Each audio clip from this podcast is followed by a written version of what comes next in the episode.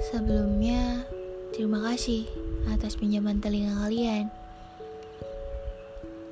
LDR Long Distance Relationship katanya. Dari sini, ribuan manusia diuji kesabarannya.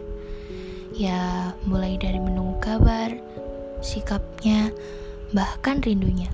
Iya kan? Namun, tak banyak orang yang berhasil melewatinya. Tapi tenang, aku yakin kalian adalah yang terpilih untuk melewatinya. Jangan lupa saling jujur dan menguatkan ya. Semangat!